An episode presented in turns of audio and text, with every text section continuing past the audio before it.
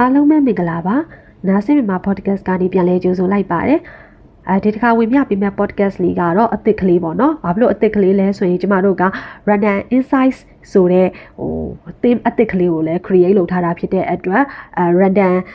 thoughts နဲ့မတူဘဲနဲ့ကျမတို့ဒါခွဲထွက်လိုက်တာပေါ့နော်အဲဘာဖြစ်လို့လဲဆိုတော့ random thoughts မှာကြာရင်များတော့အဖြစ်ကျမတို့ mental health နဲ့သက်ဆိုင်တဲ့ဟာတွေနောက်ပြီးတော့ဒီ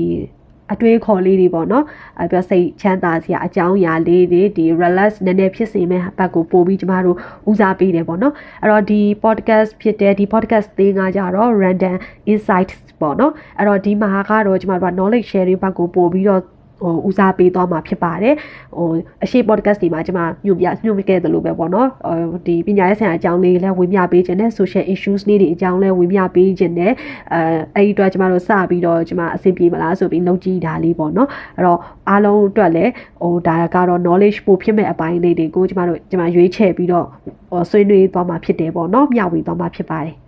ဟာဒီနေ့ဒီ Runner Insights ရဲ့ episode 1အနေနဲ့ကျွန်မဝေမျှပေးချင်တာကကြောဒီဘဝမှာပေါ့နော်အသုံးဝင်တဲ့စကားလုံး၈လုံးပေါ့နော်အဲ့ဒီစကားလုံး၈လုံးကိုကျွန်မက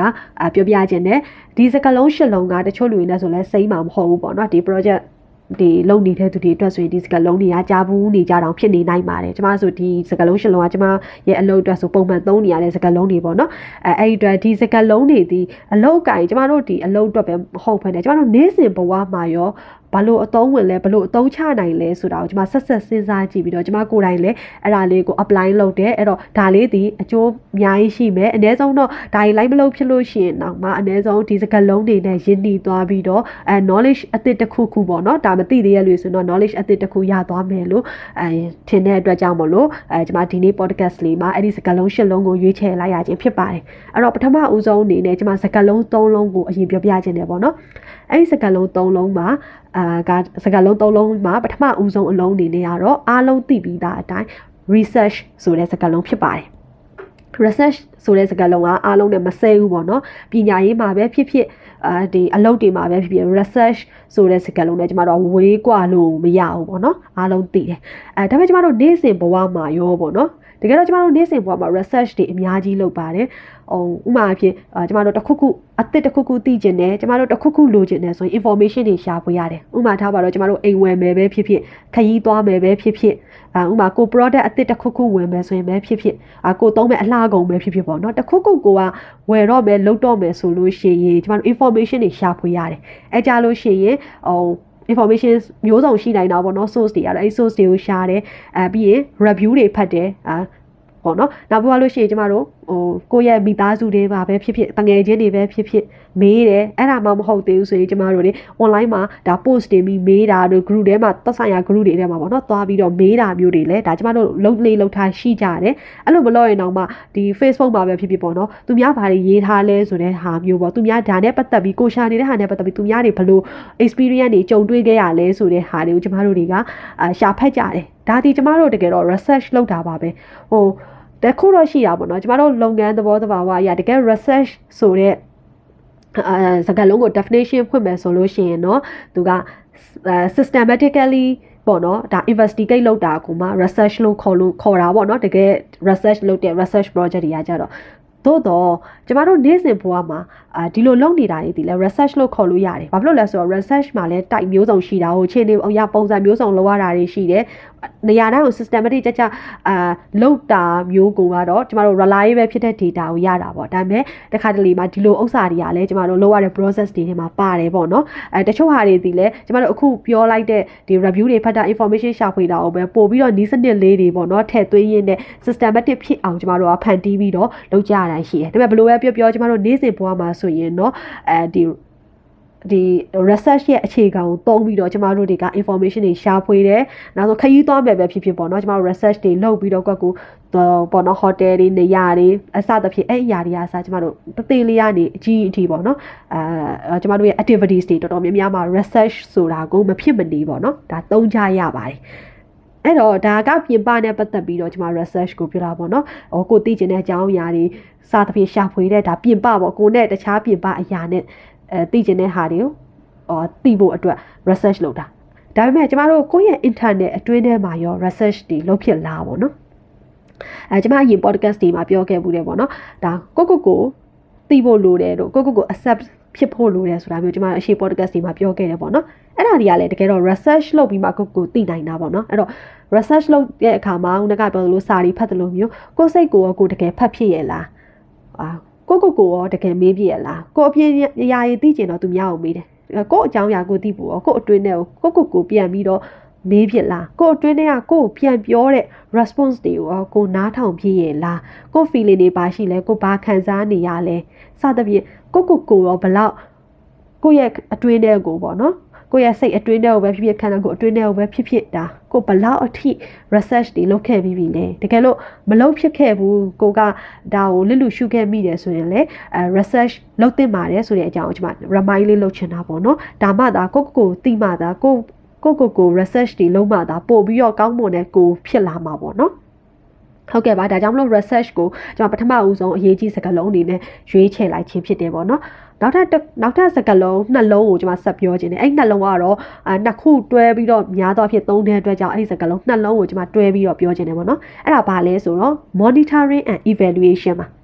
အာ engineering ဘက်မှာလည်း M&E ဆိုတဲ့စကားလုံးကကြာဘူးဟိုသုံးအသုံးပြုနေတဲ့စကားလုံးတွေဖြစ်တယ်ပေါ့နော်ဒါပေမဲ့ကျမတို့ဒီ project cycle management ဘိုင်းပေါ့နော်ဒီ project တွေလုပ်တဲ့သူတွေနဲ့ဆိုရင်တော့အဲနည်းနည်းကွာခြားမှုရှိကောင်းရှိနိုင်လိမ့်မယ်ကျမသိတော့မသိဘူးပေါ့နော် engineering ဘက်ကိုဒါပေမဲ့ M&E ကျမတို့ဘက်မှာသုံးတဲ့ M&E ပေါ့နော် monitoring and evaluation ကကြတော့ဘယ်လိုမျိုးလဲဆိုရင်အာအဓိကတော့တိုင်းတာတာပေါ့နော် တိုင်းတာတာအကဲဖြတ်တာပေါ့ monitoring ဆိုတာကကြတော့ကျမတို့ကစောင့်ကြည့်တာစောင့်ကြည့်တဲ့အခါမှာကျမတို့တွေကဒီတိုင်းစောင့်ကြည့်တာတော့မဟုတ်ဘူးကျမတို့ချမှတ်ထားတဲ့ indicator တွေရှိတယ်အဲပြောမယ်ဆိုတော့စံချိန်စံညွှန်းပေါ့နော်ပေတာပေါ့အာ ဥပမာကြားမှခြင်းတယ်ဆိုရင်တနေ့ကိုအဲဘယ်နှနာရီလမ်းလျှောက်လဲကိုလက်လှုပ်ရှားမှုဘယ်နှနာရီလုပ်လဲဘယ်လိုရှင်အစားကိုအာဘယ်လောက်စားလဲအသီးရွက်ဘယ်လောက်စားလဲအသားငါဘယ်လောက်စားလဲစသဖြင့်ပေါ့နော်အဲဒါမျိုးကျမတို့ကကိုသတ်မှတ်ထားတဲ့စံချိန်စံညွှန်းတွေနဲ့အမြဲတမ်းစောင့်ကြည့်နေတာအမြဲတမ်းတိုင်းတာပြီးစောင့်ကြည့်နေတဲ့ဟာကိုဒါ monitoring လို့ခေါ်တယ်အဲ evaluation ကကြတော့ကျမတို့ကမတူအကဲဖြတ်တာပေါ့နော် ဟို indicator ကပြောတဲ့ဒီစံချိန်စံညွှန်းတွေပေတန်တွေ indicator တွေကကြတော့ monitoring နဲ့ evaluation တူကောင်းတူနိုင်တယ်တူချင်မှလည်းတူမယ်ဒါပေမဲ့ကျမတို့တွေက evaluation မှာကြတော့အကဲဖြတ်တာပေါ့နော်စောင့်ကြည့်ုံနေမဟုတ်တော့ဘူးဒီဥစ္စာကြီး result တစ်ခုရလားမရလားဆိုတော့အကဲဖြတ်တဲ့အခြေအနေထိသွားတာပေါ့နော်အဲအဲ့တစ်ခုမှနောက်ထပ်ကွာခြားမှုကဘာလဲဆိုတော့ monitoring စောင့်ကြည့်ရဲဆိုတဲ့ဟာကသူ့စကားအတိုင်းပဲပေါ့နော်စောင့်ကြည့်တာဖြစ်တဲ့အတွက်အမြဲစောင့်ကြည့်တာပုံစံကိုသွားတယ် evaluation ကကျတော့အကဲဖြတ်တာဖြစ်တဲ့အတွက်အများအားအကဲဖြတ်နေလို့မရဘူးလေနော်ကိစ္စတစ်ခုခုကို result တစ်ခုရပြီးမှပဲအကဲဖြတ်ကြတာများတာ哦အဲ့တော့ကျမတို့က6လတစ်ချိန်တော့၎င်းတစ်နှစ်တစ်ချိန်တော့၎င်းဒါမှမဟုတ် result တစ်ခုရပြီးတဲ့အချိန်မှာတော့၎င်းပေါ့နော်အဲကျမတို့တွေကအကဲဖြတ်တယ်ဆိုတဲ့ evaluation အဆင့်ကိုလုပ်ကြတယ် အဲ့တော့ monitoring နဲ့ evaluation ကများသောအားဖြင့်တော့တွဲသွားကြရတယ်ဒါပေမဲ့တခါတလေကြာလို့ရှိရင် evaluation မလုပ်ဖြစ်တာတို့ဘာလို့ရှိကောင်းရှိနိုင်တယ်ဆိုပေမဲ့တကယ်တမ်းတော့နှစ်ခုလုံးလုံးမှလည်းအဆင်ပြေတာပေါ့နော်အဲနှစ်ခုလုံးလည်းကျမတို့ဒီဘဝမှာဆိုလို့ရှိရင်လည်းပေါ့နော်အဲ့နှစ်ခုလုံးကိုလုံးတင်တယ်ပေါ့အဲကျမတွေးမိတာတော့အဲကျမတွေးမိတာလို့ပြောရမှာပေါ့နော်တွေးမိတာဆိုလို့ရှိရင်တော့လူတော်တော်များများဒီ M&D ပေါ့နော် monitoring and evaluation ကိုဘွားကိုလုံးဖြစ်တဲ့အချိန်ဆိုလို့ရှိရင်ဒါ new real resolution ချတဲ့အချိန်လေးပေါ့နော် အဲကိုကိုကိုဒါ evaluation လုပ်တဲ့ဘက်ပို့သွားမှာပေါ့သူကတော့ဘယ်လဲဆိုတော့ကျမတို့တစ်နှစ်တစ်နှစ်အဲကို target ကိုရောက်ရဲ့လားငါဘာတွေ result ရခဲ့လဲဘာတွေ achieve ဖြစ်ခဲ့လဲဘာတွေ achieve မဖြစ်ခဲ့ဘူးလဲဘာတွေအခက်အခဲကြုံတွေ့ခဲ့လဲစသဖြင့်ကျမတို့နှစ်စဉ်စရေးချုပ်လိုက်တယ်ပေါ့ပြီးလို့ရှိရင်နောက်နှစ် new year resolution အတွက်ချရတာပေါ့နော် plan တွေချရေးတယ်ဘာတွေဖြစ်ချင်တယ်ဘာတွေလုပ်ချင်တယ်ဆိုပြီးပြန်ရေးတယ်ဒါဒီ evaluation အဆင့်နဲ့ခက်ဆစ်ဆင်တူတယ်ပေါ့နော်အဲ့တော့ကျမတို့တွေ ဒီဘဝမှာဆိုလို့ရှိရင်ဒီ new year resolution လုပ်တဲ့အချိန်ပေါ့နော်အဲ့ဒီအချိန်လောက်မှပဲကိုကိုကိုအာ evaluation အနေနဲ့လုပ်ဖြစ်ကြလားပေါ့နော်တကယ်တမ်းတော့ monitoring အနေနဲ့ပုံမှန်ကျမတို့နေ့စဉ်ဘဝမှာရောလုပ်ဖြစ်ရဲ့လားမလုပ်ဖြစ်ဘူးဆိုလို့ရှိရင်လုပ်ဖြစ်အောင်မစ조사သင့်ဘူးလားဆိုပြီးကျမတို့အာဒါလေးကိုအာအကြံပြုခြင်းတယ်ပေါ့နော်ကျမတို့တွေဒီဟိုပုံမှန်မှာကိုကိုကို စောင့်ကြည့်မနေဘူးဆိုလို့ရှိရင်ကျွန်တော်တို့ result ဒီ evaluation လုပ်တဲ့အခါမှာလည်း result ကောင်းမှာမဟုတ်ဘူးပေါ့နော်ပြီးတော့ကျမတို့ monitoring လုပ်ခြင်းအဖြစ်ဘာတွေရနိုင်လဲဆိုတော့ကျမတို့တစ်ခုခုမှားရွက်နေပြီဆိုချက်ချင်းသိပြီချက်ချင်းပြင်နိုင်တယ်အဲဥပမာထားပါတော့ကျမတို့တွေဟိုအာအလေးချင်းတစ်ခုကိုပေါ့နော်ကျမတို့ develop လုပ်တယ်ဒီ ထားပါတော့ကိုလက်လှုပ်ရှားမှုလုပ်တယ်ပေါ့နော်အဲစသဖြင့်တနေ့ကို15မိနစ်လုပ်တယ်နိုင်ဝက်လုပ်တယ်ကိုကိုကိုကျမတို့ target လေးထားတယ်ဒါပေမဲ့မလုပ်ဖြစ်ဘူးတစ်ပတ်လောက်ဆို monitoring လုပ်နေပြီဆိုလို့ရှိရင်ဟာငါတော့အဆင်မပြေတော့ဘူးဆိုပြီးကိုကိုကိုချက်ချင်းတိလာတယ်အဲ့လိုပဲ weight short နေတဲ့သူပဲထားပါတော့အဲ့လိုမျိုးလူဆိုလို့ရှိရင်လဲအကိုကိုကိုပေါင်ချိန်အမြဲချိန်ကြည့်မယ်ဟာငါတော့လောက်စားတာတော့များသွားပြီငါပြန် short မယ်ဆိုပြီးတော့လှုပ်ချိခြင်းအဖြစ်ကိုကဒီ weight လေးကိုထိန်းနေနိုင်တယ်ပေါ့နော်ဒီထက်ပိုတက်မလားကိုကိုကိုထိန်းနေနိုင်တယ်ဒီလိုပုံစံလေးနဲ့ကျမတို့သွားလို့ရတယ်ပြောချင်တာမှားတာ ချက်ချင်းသိတဲ့အတွက်ချက်ချင်းပြင်လို့ရတယ်။နောက်ထပ်တစ်ခုကကြတော့ monitoring လုပ်နေခြင်းအပြင်တစ်ခါတလေကျမတို့ဒီပေတန်တွေကျမတို့ရဲ့စံချိန်စံညွှန်းတွေပေါ့နော်မဖြစ်နိုင်ဘူးဆိုတာသိရင်လေကျမတို့ချက်ချင်း သိတယ်ငါတော့ဒီစံချိန်စံညွှန်းကငါအတွက်မှားနေပြီဥပမာထားပါတော့ခုနကလို weight short တယ်ဒါပေမဲ့အဲ့ဒါငါရဲ့ကျန်းမာရေးကိုထိခိုက်နေပြီဆိုကျမတို့ကအဲ့ဒီစံချိန်စံညွှန်းပြင်ဖို့လိုတယ်ပေါ့နော်အော်ချက်ချင်းသိတဲ့အခါမှာကျမတို့ချက်ချင်းပြန်ပြင်လို့ရတယ်ပြီးတော့ကိုနဲ့ပို့ပြီးကိုက်ညီမဲ့စံချိန်စံညွှန်းတွေအဖြစ်ကျမတို့ဖန်ဟိုပေါ့နော်ပြန်ချပြီးတော့ပြန်ပြီးစူးစမ်းလို့ရတယ်ပေါ့နော်တခုခုမှားရွက်နေပြီဆိုကျမတို့ချက်ချင်းပြန်ပြင်လို့ရတယ်ဒါ monitoring ရဲ့အားသာချက်ပေါ့နော်အဲ evaluate အဲ့လို monitoring ရဲ့အားသာချက်ကြောင့်မလို့ evaluation မှာလည်းကျမတို့ result တွေပိုကောင်းသွားနိုင်တယ်ပေါ့နော်အဲဒါကတော့ကျမတို့ အလုပ်တွေလုပ်တဲ့အခါမှာလည်းဒါသုံးသလုံးခုလိုဘဝမှာလည်းအဲ့လိုမျိုးလေးသာသုံးမယ်ဆိုလို့ရှိရင်အများကြီးအကျိုးရှိမယ်လို့ကျွန်မတွေးမိတယ်ပေါ့နော်အာဒါကြောင့်မို့လို့လည်းဒီနေ့ရဲ့ဟိုဒီစကလုံးရှစ်လုံးမှာပထမဦးဆုံး၃လုံးပေါ့နော်အရေးအကြီးဆုံး၃လုံးအနေနဲ့ကျွန်မက research monitoring and evaluation ပေါ့နော်အဲ့ဒီ၃လုံးကိုကျွန်မကရွေးချယ်လိုက်ရခြင်းဖြစ်ပါတယ်အားလုံးလည်းဒီ research monitoring and evaluation ကိုအဲ live လုပ် ကြည့်သိမယ်ဆိုလို့ရှိကြည့်ပြီးတော့ပေါ့နော် feedback လေးတွေပြန်လာပေးနိုင်မယ်ဆိုလို့ရှိရင်လည်းအရန်ကောင်းပါပါဒါမှမဟုတ်လို့ရှိရင်လည်းဟိုပေါ့နော်ကိုကိုကိုစမ်းလုပ်ကြည့်တာပဲဖြစ်ဖြစ်နည်းနည်း try ကြည့်ပေါ့နော်အဲအဲ့လိုမျိုးကျမတို့အားပေးတယ်ဘာလို့လဲဆိုတော့ကျမကိုယ်တိုင်လည်းအဲ့လိုမျိုးလေးလုပ်လိုက်တဲ့အခါမှာဘဝမှာပို့ပြီးတော့ဟိုကိုယ့်ရဲ့ target နဲ့ကိုကအဆက်မပြတ်တော့ဘဲနဲ့ result တွေနည်းနည်းအများပေါ့နော်အဲပိုကောင်းလာတယ်ဆိုတာမျိုးကိုကျွန်မလည်းမြင်ရတယ်ပေါ့နော်ဒါကြောင့်မလို့ sharing လေးလုပ်ပေးခြင်းဖြစ်ပါတယ်အဲနောက်ထပ်၅လုံးပေါ့နော်အဲ့၅လုံးကကျတော့ချိတ်ဆက်နေတာဖြစ်တယ် အဲ့ငါးလုံးမှာမှထပ်ပြီးခွဲရမယ်ဆိုလို့ရှိရင်အရှိနှလုံးကအရန်ကြီးအရင်အအရင်မကြည့်ရတော့မဟုတ်အရန်ကြီးကျမဆွေးနွေးတော့မှမဟုတ်ဘူးဘာဖြစ်လို့လဲဆိုတော့ဒါကဟိုဘာမှကျမတို့ပြောင်းလဲလို့သိပြီးတော့ဟိုပေါ့နော်ဆွေးနွေးစရာအများကြီးဒီမှာမရှိဘူးနောက်ထပ်3ခုပေါ့နော်အဲ့၅လုံးမှာပထမနှလုံးကိုတော့ကျွန်မနည်းနည်းပဲပြောသွားမယ်နောက်ထပ်3လုံးကတော့ကျွန်မဆက်ပြီးတော့ဆွေးနွေးသွားခြင်းတဲ့ဟာလေးဖြစ်ပါတယ်အဲ့ဒါကြောင့်ဆက်ပြီးနားထောင်ပေးပါအောင်နော်အဲ့ဒီ၅လုံးကိုပေါင်းပြီးတော့စကားလုံးကားလုံးကိုပေါင်းပြီးခေါ်မယ်ဆိုရင်တော့ကျွန်မတို့က reset chain လို့ခေါ်တယ်ပေါ့နော် ဒါပေမဲ့အဲအဲ့ reset chain မှာဆိုလို့ရှိရင်အရှင်းနှစ်ခုပေါ့နော် input activity ပေါ့နော်တစ်ခုက import နောက်တစ်ခုက activity အဲ့စကားလုံးနှလုံးကကြတော့အရန်ကြီး reset ကိုသွားတာမဟုတ်ဘူးပေါ့နော်အော်မြန်မာလိုရိုးရိုးပြန်ကြည့်မယ်ဆိုရင်လည်း input ဆိုတာကတော့ဒါထည့်သွင်းလိုက်တဲ့အရာပေါ့နော်အဲ့တော့ကျမတို့တွေအမ် behavior တစ်ခုခုကိုပြောင်းလဲချင်တာပဲဖြစ်ဖြစ်ထားပါတော့မြင်တောင်ပြောရင် language တစ်ခုခုကိုလေ့လာချင်တာပဲဖြစ်ဖြစ် အရာတစ်ခုခုပေါ့အကြောင်းအရာအသစ်တစ်ခုခုကိုလေ့လာချင်တာပဲဖြစ်ဖြစ်ကျမတို့လေ့လာမယ်ဆိုလို့ရှိရင်စာအုပ်တွေဝယ်တယ်သင်တန်းတွေအပ်တယ်ဒါသည်ကျမတို့ input လို့ပြောလို့ရတယ် activity ကကြတော့ကျမတို့ဒီစာတွေကိုလေ့လာပြီးသင်တန်းတက်ပြီးဆိုလို့ရှိရင်ဒါဒီကျမတို့ activity ပေါ့နော်အဲ့တော့ input နဲ့ activity ကတော့ကျမအများကြီးမဆွေးနွေးတော့ဘူးပေါ့နော်အားလုံးနားလည်မယ်လို့ထင်တယ်အဲ့တော့နောက်ထပ်၃လုံးကိုကျမဆက်သွားခြင်းတယ်ပေါ့နော်နောက်ထပ်၃လုံးကကြတော့မြန်မာလိုပြောရမယ်ဆိုအကောင်လုံးရလက်တွေကြီးပဲ output outcome impact အဲ့ဒီ၃လုံးလုံးဒီတကယ်တော့ရလက်လို့ခေါ်လို့ရတယ် ဒါပေမဲ့ result ပေါ့နော်ရလက်ဆိုတော့အဲ့ result လို့ပဲ result တစ်ခုရဲ့အောက်မှာအဲ့ဒီ၃မျိုးရှိတယ်ပေါ့နော် output outcome impact ဆိုပြီး၃မျိုးဆက်ထပ်ပြီးခွဲလို့ရတယ်ပေါ့အဲ့တော့ဘာတွေကွာလဲတချို့လည်းတည်ပြီးသားတော့ဖြစ်မယ်ဒါမှနည်းနည်းလေးထပ်ပြီးဆွေးနွေးခြင်းတယ်ပေါ့နော် output ကကြတော့ကျမတို့အဲအကြောင်းအရာတစ်ခုခု activity တစ်ခုခုကိုလုပ်ပြီးပြီးချင်းမှာချက်ချင်းမြင်ရတဲ့ result ပေါ့နော်အဲ့တော့ဟိုကျမတို့အခုနကပြောသလိုသင်တဲ့ language တစ်ခုခုတက်တယ်အကြောင်းအရာတစ်ခုကိုကျမတို့သင်ယူလိုက်တယ်အဲ့ဒီအကြောင်းအရာနဲ့ပတ်သက်ပြီးကျမတို့ knowledge ရသွားတယ်သိသွားတယ်တက်သွားတယ်အဲ့ဒါဒီ output လို့ခေါ်တယ်ပေါ့နော်ကျမတို့တည်သွားတယ်တက်သွားတယ်သင်လိုက်ရင်တက်မှာပဲမသိတာကိုပြောပြလိုက်ရင်တည်သွားမှာပဲခုနက podcast နားထောင်တော့စနားထောင်တုန်းကစကားလုံးရှက်လုံးကဘာတွေလဲလို့မသိခဲ့ဘူးအခုတည်သွားတယ်ဆိုဒါဒီ output ပဲပေါ့နော်ဒါပေမဲ့ကျမတို့ outcome ကကြတော့အဲ့လိုမဟုတ်တော့နည်းနည်းပိုပြီးသူ့ထက်အဲ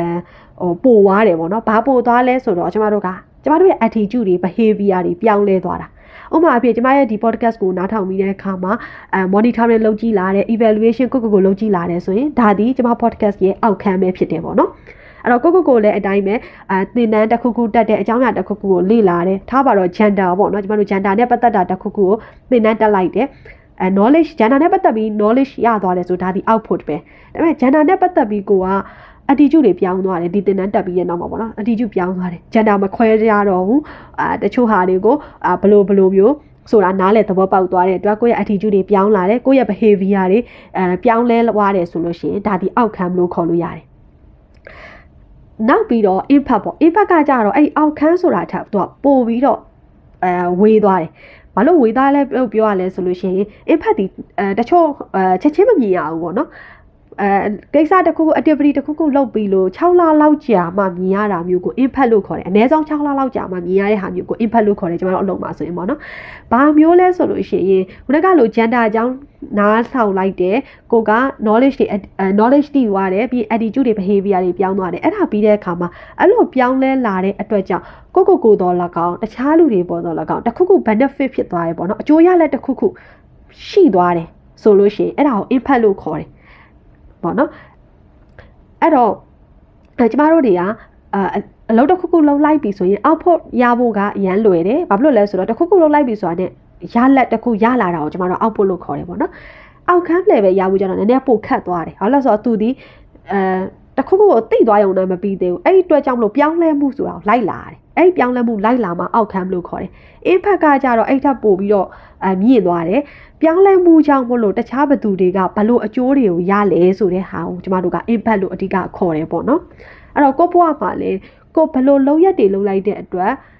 ဘလို့အရာတစ်ခုခုကိုကိုပေါ့နော်လုံးလိုက်တဲ့အတွက်ကြောင့်မလို့ဘလို့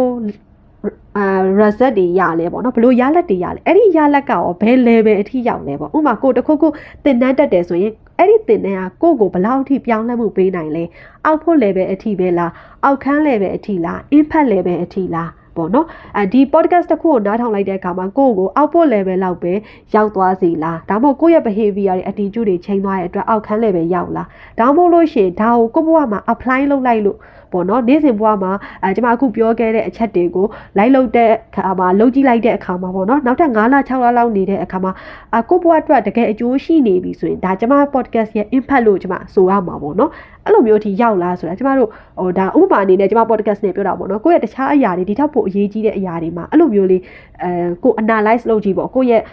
ဘဝမှာဘာတွေ လောက်ခဲ့လို့ဘလောက်တွေရခဲ့ပြီးပြီလဲဆိုတဲ့ဟာမျိုးလေးအဲ့ဒါမျိုးလေးနဲ့ဒါကျမတို့ကတိုင်းတာကြည့်မယ်ဆိုလို့ရှိရင်ဟိုဘဝမှာပို့ပြီးအကျိုးရှိမဲ့အရာတွေကိုရွေးချယ်လုပ်ကိုင်တတ်လာမယ်ပို့ပြီးတော့အကျိုးရှိအောင်ပေါ့နော်ဘယ်လိုလုပ်ရမလဲဆိုတော့နီးလန်းတွေကိုလည်းရှာဖွေလာနိုင်မယ်လို့ကျမမြင်နေပေါ့ တခါတရံမှာကျမတို့ကိုလိုချင်တဲ့ result level ကိုမရောက်တာပဲဖြစ်ဖြစ်ကိုလိုချင်တဲ့ result ကိုမရဘူးဆိုလို့ရှိရင်အပြောင်းလဲတွေလုပ်ရတယ်ပေါ့နော်အဲ့လိုအပြောင်းလဲလုပ်တဲ့အခါဘာတွေကိုလုပ်ရလဲဆိုရင်ကျမအရှိမနည်းနည်းပဲပြောခဲ့တဲ့စကားလုံးနှလုံးပေါ့နော် input ဒါမှမဟုတ်လို့ရှိရင် activity ပေါ့အဲ့နှစ်ခုတည်းကတစ်ခုခုတော့၎င်းဒါမှမဟုတ်နှစ်ခုလုံးတော့၎င်းအဲ့ဒါကိုပြောင်းလဲလိုက်မယ်ဆိုလို့ရှိရင်ကျမတို့ကပိုကောင်းတဲ့ result တွေရလာနိုင်တယ်ပေါ့အဲ့တော့ input ကိုထပ်ထည့်ရမလားဒါမှမဟုတ်ရှင် activity ကိုပြောင်းလဲရမလားဒါမှမဟုတ်ဘလို့ပြောင်းလဲရမလဲ adjust လုပ်ရမလား modify လုပ်ရမလားလုံးဝကြီးချိန်လိုက်ရမလားဆိုတဲ့ဟာတွေကိုသိဖို့ကကြတော့ကျမတို့ကအရှင်းမပြောခဲ့တဲ့စကားလုံး monitoring ဆိုတာနဲ့ချိန်ဆက်နေတယ်ဒါ monitoring လုပ်ပေးခြင်းအပြင်ကိုကဘာလိုနေလဲဘာကိုပြင်ရမလဲဘယ်အချိန်မှလိုနေလဲဆိုတာကိုသိတဲ့အတွက်ချက်ချင်းသိပြီးချက်ချင်းပြင်နိုင်တယ်ချက်ချင်းပြင်နိုင်ခြင်းအပြင်ကျမတို့တွေက result တွေပိုကောင်းလာနိုင်တယ်ပေါ့နော် အဲ့ဒါဆိုအဲ့ဒီလိုမျိုးဖြစ်တဲ့အတွက်ကြောင့်ကျမတို့ evaluation လုပ်တဲ့အခါမှာပေါ့နော်ပိုကောင်းတဲ့ result တွေကိုရလာတယ်ဆိုတာကိုကျမတို့ဒါအဖြေထုတ်လို့ရမယ်အကဲဖြတ်လို့ရမယ်ပေါ့နော်ဒါကြောင့်မို့လို့ဒီစကလုံးရှစ်လုံးဒီတစ်ခုနဲ့တစ်ခုဒါချိတ်ဆက်နေပါတယ် ဒါကြောင့်ကျွန်မကဒီ podcast မှာဒီစကားလုံးရှစ်လုံးကိုပေါ့နော်အဲဦးစားပေးပြီးရွေးချယ်ပြီးတော့ဝင်မြပေးခြင်းဖြစ်ပါတယ်ဒီစကားလုံးရှစ်လုံးရဲ့အတိတ်ပဲတွေကိုသိုံသားမကပဲပေါ့နော်ဒီစကားလုံးတွေကိုကိုယ့်ရဲ့နေ့စဉ်ဘဝမှာလက်တွေ့အသုံးချရင်း apply လုပ်ရင်းနဲ့အဲကိုယ့်ဘဝအတွက်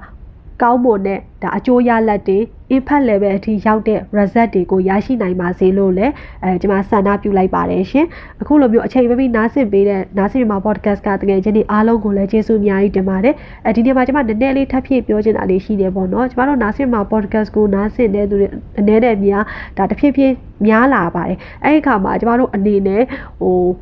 စိုးရိမ်ပူပန်မိတယ်နောက်ပြီးအားနာမိတယ်ပေါ့နော်ဘာဖြစ်လို့လဲဆိုတော့ကျမတို့ကအချိန်ပေးပြီးတော့လည်းမလုံနိုင်ဘူးတခြားသူတွေရဲ့ podcast တွေလိုမျိုး commercially professionally မသွားနိုင်တဲ့အခါမှာကျမတို့က script ကိုရေးပြီးတော့ပြောတာနောက်ပြီးလို့ရှိရင်ဒါတွေကို edit လုပ်ပြီးတော့မှကောက်ကောက်မွန်လေးနဲ့ podcast ကိုမထုတ်ပေးနိုင်ဘူးပေါ့နော်ကျမတို့ podcast ကဒီတိုင်းပုံမှန်စကားပြောသလိုနဲ့ပဲအာကျမတို့လုံနိုင်တယ်အဲဒီအခါမှာနားဆင်ရတဲ့အခါမှာအဆင်မပြေမှုလေးတွေရှိခဲ့ရင်လည်းတိခန့်ခွင့်လွှတ်ပေးဖို့ကျမဟိုပါပေါ့မြစ်တာရက်ခံချင်ပါတယ်ဘယ်သူမှတော့ complain ဓာတ်ရိုက်လာတတက်တာမျိုးမရှိပေမဲ့ဒါကျမတို့မှန်းကြည့်လို့ရတယ်ပေါ့နော်ကျမတို့ရဲ့ quality လေးကိုကျမတို့လည်းဒီထက်ကောင်းအောင်လုပ်ချင်ပေမဲ့ဟိုကျမတို့တကယ်ကိုအချိန်မပေးနိုင်ဘူးပြီးတော့ဝါသနာလေးအရာရဲ့ဒီ podcast လေးကိုဟို quality ကောင်းအောင်လုပ်မယ်ဆိုလို့ရှိရင်ကျမတို့အချိန်မပေးနိုင်တာနဲ့မလုပ်ဖြစ်တော့ရင်ဒီ podcast လေးဒါတည်သွားမှာဆိုတဲ့အတွက်ကြောင့်အသက်ရှင်အောင်ပဲပေါ့နော်ဒီ podcast လေးကိုဆွဲထားရတယ်လို့ဖြစ်နေတာပါအဲ့ဒီအတွက်ကြောင့်မလို့ဒါလေးကိုလည်းတီးခန့်ခွင့်လို့ပေးဖို့အတွက်အဲ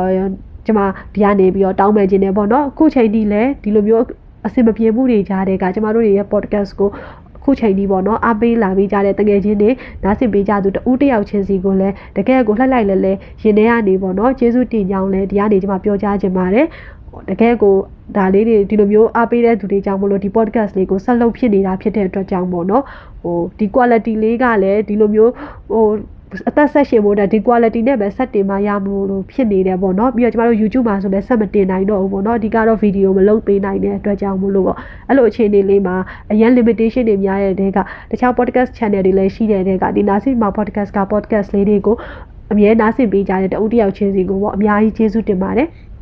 ကျမတို့ဘက်ကပြန်ပေးနိုင်တာအနေနဲ့လည်းတက်နိုင်သလောက်ကျမတို့ podcast ကနေပြီးတော့ အကျိုးရှိတာလေးတွေ positive ဆောင်တဲ့ content လေးတွေကိုပေါ့နော်ဘဝအတွက်အကျိုးရှိစေမယ့် podcast လေးတွေကိုပုံစံမျိုးစုံနဲ့ random thoughts ကို audio book ကိုအခုဆိုလို့ရှိရင် random insights ကိုပေါ့နော်တက်နိုင်သလောက်ကျမတို့အကောင်းပုံဆုံးစူးစမ်းပြီးတော့ပေါ့အကျိုးရှိအောင်ကျမတို့ရဲ့နားဆင်မှာ podcast ကိုအချိန်10မိနစ်10စက္ကန့်ပေးလိုက်ရတဲ့အချိန်မှာအကျိုးရှိစေမယ့် content လေးတွေဖြစ်အောင်လဲကျမတို့တက်နိုင်သလောက်အဲစူးစမ်းစီစဉ်ပါမယ်အဲအဲ့ဒီခါမှာလဲဆက်လက်ပြီးတော့နားဆင်ပေးကြဖို့ပြီးတော့အစင်မပြေတာလေးတွေဒီကြားထဲမှာရှိခဲ့လို့ရှိရင်လဲဆက်ဆက်လက်ပြီးတော့ပေါ့နော်သိခံခွင့်လွှတ်ပေးကြဖို့လဲဒီကနေပြီးတော့ဟိုဟာကျမတို့အဲမေတ္တာရက်ခံခြင်းနဲ့အဲတောင်းဆိုခြင်းနဲ့ပေါ့နော်အားလုံးအတွက်လဲကျမတို့တတ်နိုင်သလောက်ကွန်တက်ကောင်းလေးတွေနဲ့ပြန်လာခဲ့ပါမယ်ဒါကြောင့်မလို့ဆက်လက်လဲစောင့်မျှော်နားဆင်ပေးကြပါအောင်ရှင်အားလုံးကိုကျေးဇူးအများကြီးတင်ပါတယ်အားလုံးလဲကျမဘေးကင်းကြပါစေရှင်နောက်ထပ် podcast တွေမှာပြန်လည်ဆုံတွေ့ပါမယ်